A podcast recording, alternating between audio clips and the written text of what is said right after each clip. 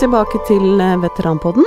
I dag har vi besøk av Tor Lysenstøen, generalsekretær i NVO, Norges veteranforbund. Du er her for å fortelle om ditt oppdrag i Saudi-Arabia 1991.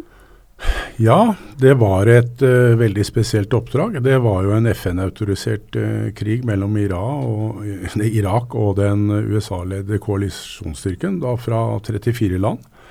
Mandatet var jo da å presse de irakiske styrkene fra Kuwait, som da Irak under ledelse av Saddam Hussein hadde okkupert og annektert siden august året før, altså 1990. Majoriteten av styrkene her kom jo fra USA og Storbritannia, det er jo ingen tvil om. Og krigen varte da fra 2.8 og opp til da 28.2.91. Eh, selve krigen, eller angrepet mot Irak og irakiske styrker, ble da eh, satt i gang eh, den, eh, fra den 17.1.1991. Uh, denne invasjonen av Kuwait den hadde jo medført en massiv internasjonal fordømmelse og økonomiske sanksjoner, og ble relativt raskt iverksatt av flere medlemmer i FNs sikkerhetsråd. I tillegg forberedte USA og Storbritannia seg på å benytte makt for å presse Irak ut av da, Kuwait. Eh, de ikke-voldelige virkemidlene så ikke ut til å ha hjulpet noe særlig i det hele tatt. Og de fant da ut på politisk side at militærmakt må brukes. Og en koalisjon med USA i spissen ble derfor i løpet av høsten 1991 i, iverksatt. Uh, Sovjetunionen den gangen uh, nedla ikke veto mot dette oppdraget. Og Angrepet og utkastelsen av de irakiske styrker begynte da med den USA-ledede koalisjonen. Eh, Operation Desert Storm den 17.1. Det foranliggende der, det var jo da en eh, holdoperasjon hvor man da avventet på hva som skulle skje. Ja. Eh, foranledningen til at du dro? Ja, altså dette var litt sånn uh, spesielt, fordi jeg var adjutant hos uh, datidens uh, generalinspektør for Hæren, Arne Solli. Uh, så jeg var eh, på jobb i romjula. Jeg var vel en av de få som var på jobb i jula 1990, så vidt jeg husker. Og da jeg kom på jobb, så lå dette graderte skrivet fra, fra Storbritannia eller England lå der, hvor de anmodet om norsk støtte til uh, operasjonen i, i, i, mot Irak. Og så Nei, altså jeg eh, var da i denne beredskapsstyrken som het Sankop FN den gangen. Det var en styrke som ble øvd med jevne mellomrom med kaderøvelser og vanlige feltøvelser.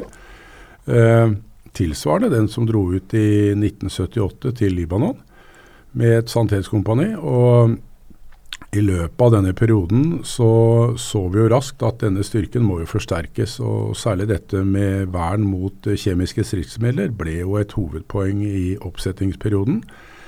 Og vi så jo raskt også at vi måtte jo ha en styrking av dette med vakt og sikring eh, osv. Så, videre. så i løpet av perioden så doblet jo styrken seg, og vi dro vel av gårde til slutt med 229 inklusiv da et par stabsoffiserer som skulle da følge den britiske styrken og være vårt mellomledd opp mot de britiske avdelingene. Og da ble det en egen uh, transitt? Ja, altså dette som skjedde der da i forkant av dette ved oppsettingen, det var jo da at uh, Hans Majestet Kong Olav den 5. døde 17.1. og det ble jo da hoffsorg i Norge, som det heter. Det betød at Stortinget kunne ikke samles for å beslutte at vi skulle dra ut. Så det som ble gjort isteden, var at man samlet den eh, utvidede utenrikskomiteen, og det var da enighet i den utvidede utenrikskomiteen at vi skulle reise av gårde. Det var en stor interesse da man lyste ut dette for å delta, og det var i alt uh, eh, 1000 personer som da meldte sin uh, interesse til uh, til forsvarsdirekt nummer fire, IR4, da på Onsrud, for å være med på denne operasjonen. Denne leiren, da, kan du fortelle litt om den? Ja, vi dro jo da ned. Og vi skulle da ligge i perioden i en uh, leir som het uh, Baldrick Lines. Fordi denne sjefen for Force Maintenance Area, som det het, altså bakerområdene til britene, han var jo fan av Roll Atkinson, og um, han hadde jo da kalt opp leiren etter det. Det var en sånn gjennomtrekksleir som alle britiske styrker gikk gjennom. Så vidt jeg husker så var det rundt en 45 000 britiske mannskaper som da kom inn her, og som da ble fordelt ut i områdene. Uh, så vi startet jo da å vi startet jo da med å reise vår leir, og vi hadde fått en nedlagt brannstasjon. Det var en sånn prefab-brannstasjon som uh, var kjøpt fra Houston i Texas og alt i verden, og kjørte om med båt. Og satt opp da midt ute i ørkenen her. Så uh, det var liksom ingenting rundt der vi var. Det var bygget opp en infrastruktur uh, med vannforsyning osv. Ellers var jo brannstasjonen full av sand. Så vi tok jo da tømte denne brannstasjonen for sand og la opp 60 000 sandsekker som vern på vårt område isteden, for vi var jo teltbasert i hovedsak. Og vi fylte jo da eh, sandsekker dag og natt eh, i hele perioden, mens vi da bodde nede i Baldrick Line som natta. Eh, det var jo veldig kaldt i denne perioden, så jeg husker det var, var veldig kaldt å dusje og sånn, for det var rundt null grader på natta.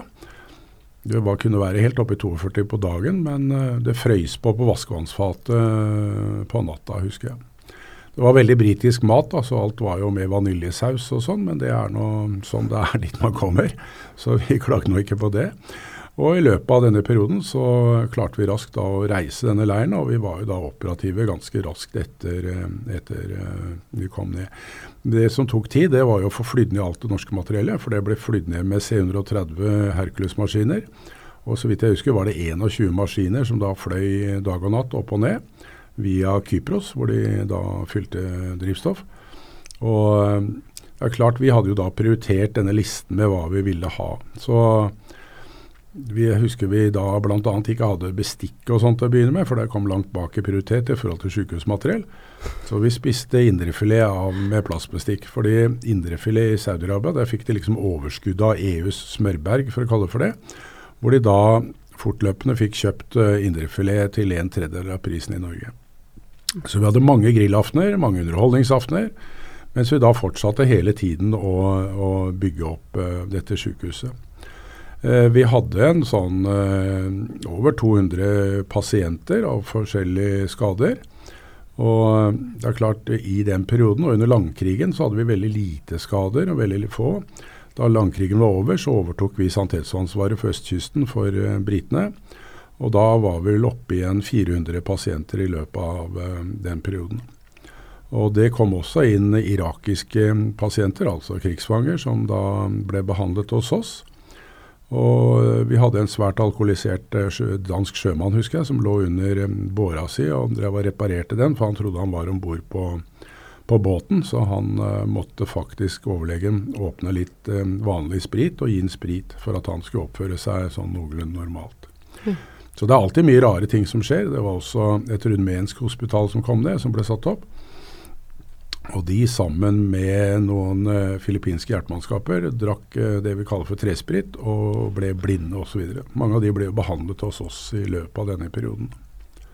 Og jeg tror også to døde. En rumensk uh, kvinnelig sykepleier og en filippinsk arbeider tror jeg døde av dette. For de var inne med et warehouse og fant masse sprit der, men av feil type. Og den som hjelper mot det, det er da vanlig sprit også. Så det var også åpne spritflaska igjen. Så det er sånn merkelighet man ikke tenker på, tenker på der man bor, men eh, ok, det var nå det som skjedde. Annen ting her var jo at vi fikk jo en mengde forskjellige antraksvaksiner osv. Vi fikk eh, også piller mot uh, nervegass, og det medførte at man, uh, når man måtte passe, så måtte man passe da, og ikke om fem minutter. Så det var bare å løpe som faen. Så det var ganske morsomt i den leiren der på natta. For da hørte de et smell der og smell der, og så løp folk ut. Og da var det liksom Det var ikke noe vei å gå. Og Vi hadde jo ganske mange kvinnelige soldater, og det var jo stor underholdning å følge med Leirgatan. Og de løp oppover i et helvete svart, og så ble de borte bak et telt. Det var sånn det var. Ja. ja. Vi hadde vel med et par hundre også vakthunder som uh, var uh, der, og de gjorde en veldig flott jobb. Så det eneste angrepet vi hadde, var to mann som sneik seg ut inn mot leiren en sein natt i ørkenen.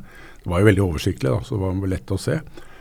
Og det var to mann som var sendt ut av Saudi-Arabia for å gjøre noe elektrikerarbeid dagen etter. Men vi tok jo de til fange, da, selvfølgelig. Men vi slapp det ut igjen like fort. Hm. Ellers hadde vi besøk av eh, ambassadøren den gangen. Vi hadde besøk av Odd Karsten Tveit. Så han lagde jo reportasje hos oss. Så han eh, var i storhumør. Og eh, han fikk låne noen vester og hjelmer av meg til noen, noen uh, journalister som da skulle ut i ørkenen og intervjue litt. Og de ble selvfølgelig tatt til fange, og vestene og hjelmene ble borte. Og de ble utlevert uten skader over Jordan den gangen, da. Men hver gang jeg møter han, så spør jeg hvor er vesten og hjelmene mine. Den uh, må jeg alltid spørre noen, om. For da syns han er like moro hver gang. Men det gikk bra med de som ble tatt til fange? De ble tatt, det gikk veldig bra med alle journalistene. Um, Skødd? Ja, det er jo et uh, rakettsystem uh, av uh, russisk herkomst som kan skyte, har en ganske stor rekkevidde. Men i dette tilfellet så lå jo disse Scud-batteriene nord for Bagdad. altså De skøyt fra over byen Bagdad og så ned mot oss, som lå på østkysten i en by som het heter Al-Jubail. Og uh, Grunnen til de gjorde det, var at sjansen for å treffe et eller annet på den uh, kystveien nedover, den var ganske stor. Og, men de måtte da redusere ladningen på dette, fordi raketten var ikke i stand til å gå så langt med, med den store vekta. Så De reduserte ladningen, og så hadde de et rettesystem som var basert på jernbaneskinner. De kjørte da disse fram og tilbake i forhold til hvor de trodde de skulle treffe. Og eh, Vi hadde vel i alt eh, ti eh, skuddalarmer med skudder da, som gikk over leiren vår. Og De kom i ganske lav hastighet over oss. Så Jeg husker en av dem. Det så ut som en sånn flyvende varmtvannstank som passerte oss. Og som landet da nede i kaiområdet. Et enormt kaiområde hvor amerikanere og briter tok inn alt materiell per fartøy. Og Den ble jo stående og hoppe rundt i havnebassenget der mens motoren var da i gang, for det var fortsatt drivstoff igjen i motoren. Og den hoppa da rundt i havnebassenget der mens folk løp i alle retninger. Altså. Så vi hadde jo da søkt om å få en eh, krigssonetillegg for denne operasjonen, for det hadde jo KV Andenes fått, som da fulgte den danske eh, korvetten Olfert Fischer, som lå langt sørafor oss, som lå faktisk utenfor Hormus-stredet meste av perioden. Og eh, vi fikk da vite klart og tydelig at dette var ikke noe uh, krigssone der vi lå. For vi lå vel 20 mil fra, fra grensen til, uh, til, Kuwait. Men det er klart, uh, den neste raketten som kom, den gikk jo da over oss og landet, landet i det amerikansk leir og drepte vel ja, jeg tror det var 28 drepte i den ene skuddnedslaget. Så det var altså farlig nok. De skjøt jo også masse skudd over Nord-Israel i samme perioden. Og dette berørte jo um, de som var uh, mannskaper da oppe i, i den norske bataljonen i, i, Libanon den gangen, eller Unifil den gangen. Mm. Så det var en veldig sånn kritisk tid. Og det er klart, vi hadde jo da 17 som dro hjem, av forskjellige årsak for så vidt, men det var en del som dro hjem fordi de ble altså forbanna på at uh, det, ikke Norge skjønte at dette var en krigssone vi var i. For det var det jo i høyeste grad. Men det er klart, det var mye jobb å sette opp den leiren. Vi strakk vel fire kilometer med kveilepiggtråd. Vi satte opp en forlegning med 40, 14 kvadrattelt, 26, 22. Eh, fire Ja, det var en rekke teltoppsetninger der. Eh, vi hadde et veldig bra kjøkken, da. For å skryte litt av kjøkkenet. De eh, serverte i denne perioden vi var der, 67 200, 67 200 enkeltporsjoner. Vi renset vann, 300 000 liter vann. Og ja, det var en militær avdeling som var der, og med alle ting som da må til der. Det som var litt overraskende med meg, var jo at jeg første gangen så en GPS. Det kom en brite der med GPS, det var jo litt stas. Vi fikk første gangen se sånn lysforsterkningsutstyr og ja, det var litt sånn stas der. Så mye av det så, fikk jeg da seinere som avdelingssjef i Nord-Norge, det hadde jeg da allerede sett i Gulfkrigen. Og vi ble også registrert på sånne strekkoder når vi kjørte ut og inn av forskjellige soner. Og det var også første gangen jeg var borti strekkoding av noe som helst. Nå tenker vi ikke over det engang når vi går i butikken. Hm. Men eh, beredskap mot kjemiske våpen?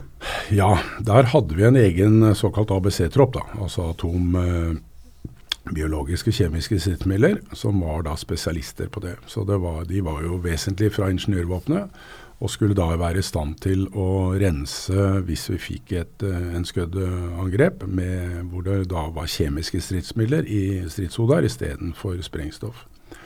Og de gjorde en særdeles god jobb. Nå fikk vi ikke bruk for de i den forstand, men de var uh, særdeles godt øvd. Vi gikk jo med tungt verneutstyr uh, med oss hele veien, så vi hadde jo med det hele tiden. Så i pluss 42 grader så gikk vi da med det tyngste utstyret som det er mulig å få tak i av uh, personlig bekledning og personlig utstyr.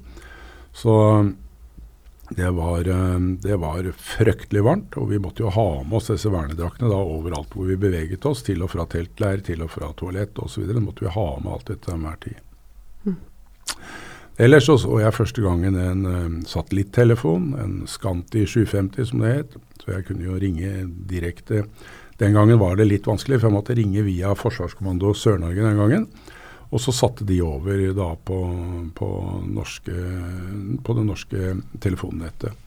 Så det var ganske enkelt å, å ringe. Og vi hadde nå også HF-samband, som gjorde at vi kunne For én ting var å sende meldinger direkte inn på det. Annen ting er at vi kunne høre på norsk radio. Så vi kobla det da på et høyttalersystem, så at vi kunne høre på Nitimen eller hva det var den gangen, direkte i leiren. Alle kunne høre Nitimen da i leiren på, på morgenen. For det var jo ikke akkurat noe lysdisiplin eller lyddisiplin i, så langt bak fronten. Yes. Men um, i leiren og norske miljø- og idrettsarrangementer og aktiviteter, var det god stemning? Fikk dere til det? Det var jo stille perioder, så vi var jo da nødt til å finne på ting. Så vi tok da og holdt uh, marsjmerke, idrettsmerke, vi hadde befalstest for befal, vi hadde en egen gruppe som drev med aerobics, jeg var ikke med der. Vi hadde svømmebassenger på hoteller i nærheten. Vi var der. Eh, vi hadde et vaktlag som var uh, ca. 2,10 meter og 10 i snitt, som da vant alle sånne kamper i amerikansk fotball med amerikanerne. Vi spilte volleyball, vi hadde skyting, dart, styrketrening. Og så ikke minst så hadde vi en velferdsoffiser som hadde tatt med verdens største bunke med VHS-kassetter, så vi så jo da filmer jeg hva vi ville hver eneste kveld. Det er sånn. Han var en eh, meget underholdende mann og hadde, eh, hadde auksjoner da, mot For vi spilte jo CD-er, eller hva det var den gangen, over høyttaleranlegget. Og så var det da auksjon hvor du kunne gi penger mot at den ble spilt en gang til, den plata. Hvis du var lei den plata, da ble den kasta og garantert borte. Oi. Så vi hadde litt sånn omvendt uh, auksjoner der. Så, Hvilke sanger eh, husker du? Nei, Det husker jeg ingen av hva det var den gangen. Det må jeg dessverre si. Men det var jo, eh, det var jo de, vi, de, vi, ikke likte. Så det er vel omtrent det som sendes på P4 i dag, vil jeg tro. ok. Um, hva, med, hva er det du husker mest? Det jeg husker mest her, det er vel de veldig spesielle tingene, sånn som at man kunne ha geiter i en Rolls-Royce. Det husker jeg veldig godt. Jeg var invitert på en uh, ørkenfest med prins Abdullah, hvor vi satt ute i ørkenen og spiste av store fat. Uh, kanskje det jeg husker best, eh, egentlig. Men selvfølgelig, skuddoverskytninger og sånn er relativt ubehagelig, så du husker jo også de veldig godt. Mm. Men det er klart vi hadde jo så mange alarmer etter hvert, så det hendte jo at man sovna under alarmen, rett og slett. Mm. Det som er problemet med nordmenn, det er når det går en skuddalarm, så er det da å få de til å gå i dekning. For de skal jo ikke da gå i dekning, for de skal jo opp med fotoapparatet på taket for å ta bilde av skudden. Mm. Så det var altså min oppgave som NK den gangen, å få folk ned av taket og sitte i dekningsrom, eller i dekning, og ikke løpe rundt og ta bilde nødvendigvis av denne skudden. Og dette var allerede før mobilene? Dette var før mobilen, så det var fotoapparater. Og det er sånn. Eh, vi hadde et veldig godt leirsamband, så vi kunne jo kommunisere veldig kjapt med de forskjellige troppssjefene og de forskjellige funksjonssjefene, så at vi kunne raskt uh, si folk til folk hva som var feil osv. Dessuten hadde vi høyttaleranlegget, og vi hadde jo to kvinnelige særdeles gode operasjonsoffiserer som satt i Obsen til enhver tid og som da kunne prøve, så langt de hadde fått en melding på, å fortelle hva som hadde skjedd når det var en alarm. Um, jeg har sett noen bilder med noen brennende oljebrønner. Ja, du skjønner det at uh, etter krigen her så plutselig så oppdaga vi at Røde Kors-flagget som vi hadde over leiren, og det norske flagget vi hadde over leiren, og det saudiarabiske, de ble så jævla møkkete. Og vi fikk jo da melding om disse oljebrannene. Rundt en 600 eh, branner da oppe i Kuwait, hvor irakerne når de trakk ut, hadde da tent på disse olje, oljekildene der, som da selvfølgelig var hele infrastrukturen økonomisk i Kuwait. Og da fikk vi til en såkalt Battlefield Orientation Tour. Altså vi satte opp et par busser og hvor en del av oss fikk da dra en tur opp til Kuwait og se på Kuwait City, på skadene der, og ikke minst kjøre innom disse oljebrannene og ta bilde av oss sammen med, med oljebrannene etter krigen. Mm. Uh, krigen var jo fort over. altså Selve landkrigen varte bare i 100 timer.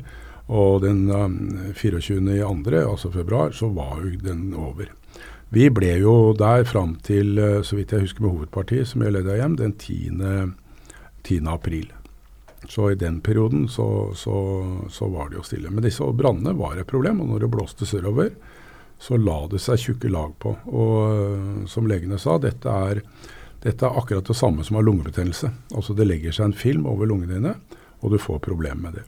Så det var ganske mange som slutta å røyke i den perioden. Nå kan jo det være positivt, men det å gå i sånn, og det er altså et problem i de krigene jeg har vært i, det er altså forurensningen i områdene. Det er enorm forurensning.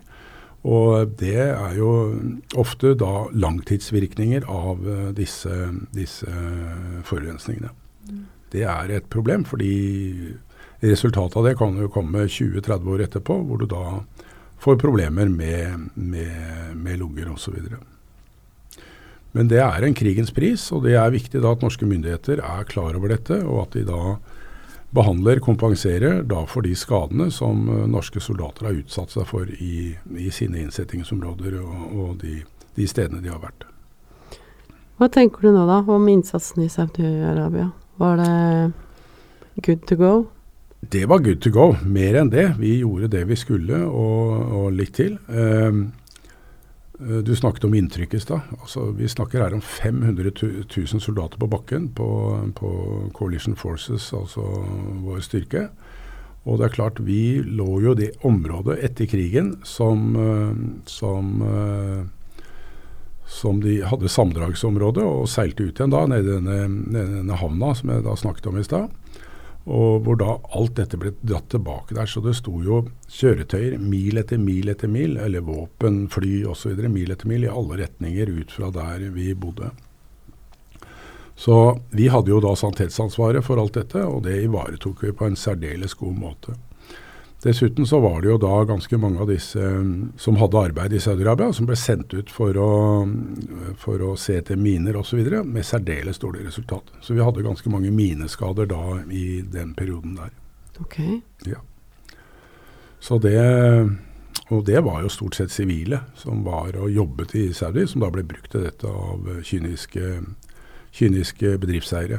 For det var jo veldig godt betalt, selvfølgelig, for å rydde miner her. Det er en minus med alt. Ja.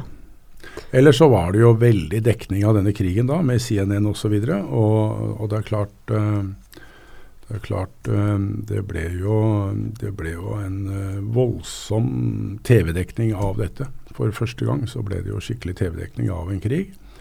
Og man kalte vel den mediastormen der for sannhetens likkiste.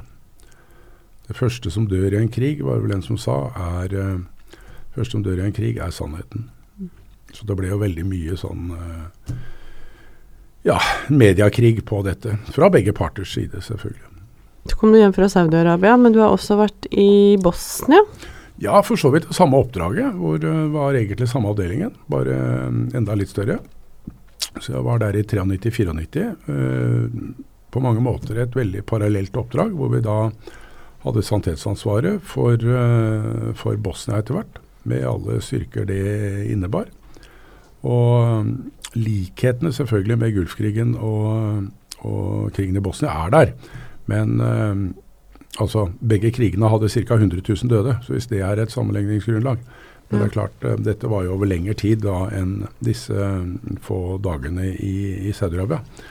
Men uh, likhetene var uh, store. Og det er klart, uh, jeg vil tippe rundt halvparten av de som var med da på oppdraget i Saudi-Arabia, var også med til Bosnia. Så jeg kjente jo soldater og befal veldig godt fra den gangen. Og det var altså en glede å, å tjenestegjøre sammen med de en gang til. Det var Men, noe med fargen på bereten vi glemte å si noe om. Ja, fargen på bereten der, eh, den var jo blå. For det var jo en del av UNPROFOR, UN Protection Force osv. Og, så og det er klart Vi merket vel ikke forskjellen på bereten. Det var vel ikke det store problemet det ene eller andre gangen. Men uh, du kan si den vi, oppdraget var i Saudi-Arabia, var i hovedsak da lik dette Nordmers som var i Koreakrigen i sin tid. Mens det vi gjorde i Bosnia var kanskje mer større likhet med Sannhetskompani, som var i Libanon, Unifil, da i 1978 og framover. Sånn at uh, likheten er der, og forskjellen er der. Men min store styrke da for å drifte denne avdelingen som NK, det var jo det at jeg kjente soldater og befal. Det er en kjempestyrke at du gjør det, altså. At du kan stole på det. og det Vaktlaget vårt hadde jo stort sett hele gjengen vært i Mogadishu rett før, så de var trent uh, der. og disse andre mannskapene jeg hadde, var, hadde jo stort sett vært én eller flere kontingenter i Libanon. Så det var, sterkt, eh, det var en veldig sterk avdeling rent faglig sett, som vi var av gårde med. Mm. Eh, det høres ut som det er litt sånn operativt det du har holdt på med, men du har jo også vært i Skopje i Natos hovedkvarter? Ja, øh, jeg øh, fikk jo brått et tilbud. Kan du, være, kan du dra til Skopje for øh, to uker siden? Da fikk jeg tilbud om å bli stabssjef på Nato-kvarteret i Skopje i 2003-2004. En fantastisk tid. Lå på en nedlagt eh, skofabrikk. Hadde vel ca. 450 mannskaper totalt som tilhørte hovedkvarteret, med sivil og alt. Som da var en helt annen uh, sak. Det var jo da lenge etter, eh, etter, krigen og det som hadde vært uh, i området her. Og det ble liksom en helt annen karakter. Men noe av det samme er Vi hadde jo Kosovo-opprøret rett nord for oss da 17.3.2004. Hvor da, som fra lyn fra klar himmel, så sto jo hele Kosovo på huet. Med at det var da albanske øh, innbyggere, eller albanske, etniske albanere, som skulle kaste alle serbere ut av Kosovo. Hvor det da var mye av det samme. Og det er klart, øh, det er vel ikke noe hemmelighet at mitt oppdrag den gangen fra min britiske sjef var å dra inn til Forsvarsdepartementet i Skopje og se etter at de ikke begynte å skyte med stridsvogn fra makedonsk område og inn i Kosovo vilkårlig der. De hadde ganske tunge T-90 stridsvogner og kunne da lagt seg og skyte fra grensen, også innover helt vilkårlig i Kosovo, for å, for å da stoppe de etniske albanerne. Men det ville jo vært et sjansespill, og jeg gikk der og sa det at uh, hvis dere gjør det, ringer jeg Nato umiddelbart, og så enkelt er det. Men det er mye annet. altså Det å drive et så stort hovedkvarter er jo en, er jo en jobb. Det er jo ingen, ingen tvil om. Um, nå skal vi runde av, men du i din jobb i dag for veteraner, hva tenker du? Nei, altså det som er, syns jeg er min styrke, er at da vi hadde Unifil-jubileet nå med 2500-3000 soldater på festningen, så hilste jeg på ca. 500 som jeg kjente. Altså jeg kjente 500 av de som møtte opp der. Helt fantastisk. Jeg visste ikke det sjøl at jeg var kjent med så mange. Og har snakket med så mange og hatt i tjeneste så mange. Jeg var ikke klar over det i det hele tatt. Det var helt fantastisk. Men jeg ble jo helt huggeren av å gå der da, med så mye kjente og sånn. Men det er kanskje det jeg syns er min styrke, at jeg kjenner veldig mange. Og jeg kan ringe de og snakke med de, og hva syns du? Det syns jeg er veldig ålreit. Og de ringer jo meg selvfølgelig og lurer på det og lurer på det. Ja. Um, er det noen gode historier uh, du føler at du vil fortelle? Du har jo opplevd ganske mye. Du, det er jo noen uh... Nei, det er uh, ganske mange morsomme historier der. Men jeg kan vel ta en med Jørgen Kosmo, som var på besøk i besøk i eh, Bosnia hos oss seinhøstes 93. Det var krig, det var tåke, det var alt det der. Og Cosmo kom, og vi hadde en eksklusiv leilighet til han. Det var altså det, en campingvogn som Norair hadde med seg. Så vi fant ut vi legger den i en campingvogn. da. For den var liksom sendt med som en sånn mobil OBS til, til Norair. Og det er klart Han gikk inn i dusjen og alt det der og stilte seg bak der, og så hadde han selvfølgelig ikke med seg sjampo.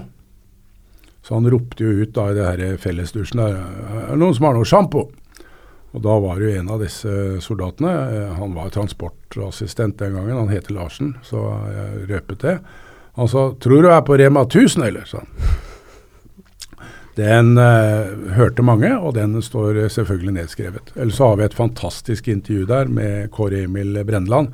Har gjort et av de verste intervjuene jeg har sett noen gang med, med forsvarsministeren, men det står i kontingentboka. Så da får man gå i kontingentboka og lese det. Det er helt fantastisk uh, historie han uh, blanda sammen der.